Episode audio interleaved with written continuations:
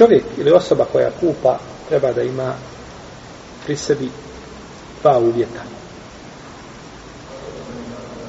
Prvo je da je salah, da je osoba bogobojazna. Jer osoba koja je bogobojazna bolje će čuvati Allahove granice i paziti na njih. Poslanik sa i neće otkrivati sramotu mejita. Poslanik sa kaže men satra muslimen, satrehu Allahu jaman qiyama. Ko popije muslimana, Allah će njega pokriti na sudnjem danu. I neće vrijeđati takvu osobu. Jer je poslanik sa rekao, la te subbul amuat. Nemojte vrijeđati mrtve. I rekao je poslanik sallallahu alaihi vseleme, hadisu koga bilježi imam hakim koji je dobar, ko okupa mrtvaca pa prikrije ono što vidi na njemu, bit će mu oprošteno 40 puta. I ko umota u kefine tvaca, Allah će njega umotati u svilu i u kadifu, u džennetu. Ako mejto iskopa kabur, ispusti ga u njega kao da je miskinu siromahu obezbijedio boravište do sudnjega dana.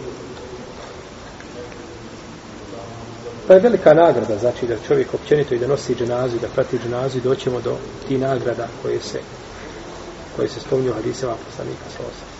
I druga stvar je da ima čovjek iskustvo, da ima veliko iskustvo ili iskustvo koje će mu pomoći da ne pogriješi, znači, pri kupanju mejta. I mejt nije mjesto gdje se ljudi vježbaju. Čovjek nikad nije kupao mejta i dolazi i sam kupa mejta. To je pogrešno. Tako će više grešaka biti nego... Jer jedno je da učiš kupanje mejta teoretski, a kada dođeš praktično, sigurno ta praksa je drugačija. I uvijek se praksa razlikuje od teorije u smislu da ne možeš tek tako jednostavno praksu primijeniti u teoriju. Znači, zbog toga je bilo da uvijek imaš učitelja ili da imaš nekoga ko ti ukazuje, ko ti pojašnjava, ko ti govori, a nije to pušteno čovjeku da tek tako sam poslanik kao sve kada su došla namaska vremena, došao je Džibril jedan dan u prvo namasko vrijeme pa mu klanjao, a drugi dan u zadnje namasko vrijeme. Pa kaže između ova dva vremena. A dovoljno je bilo da kaže tada počinje, tada završava i završava.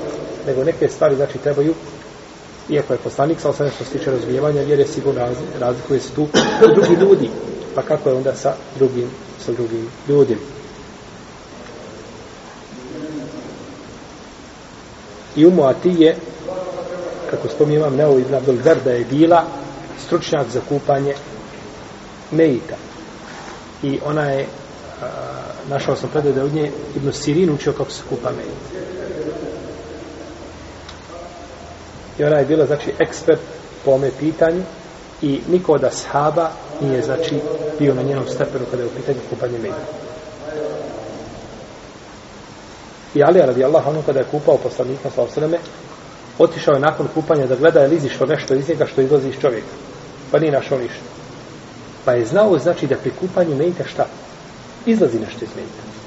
Pa kaže, tibte hajen o medita.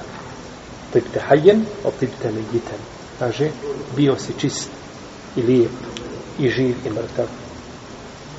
Allahu poslaniče. Sallallahu alaihi wa sallam.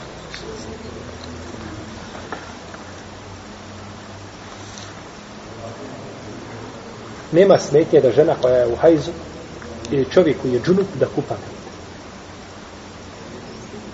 Znači, nema smetnje osobama koje su u hajzu ili unifasu ili osobama koji su džunup da kupuju šta. Nejte, nema dokaza koji to brani. A sve što nema dokaza, u ovome slučaju ne možemo braniti jer je osnova da je to dozvoljeno.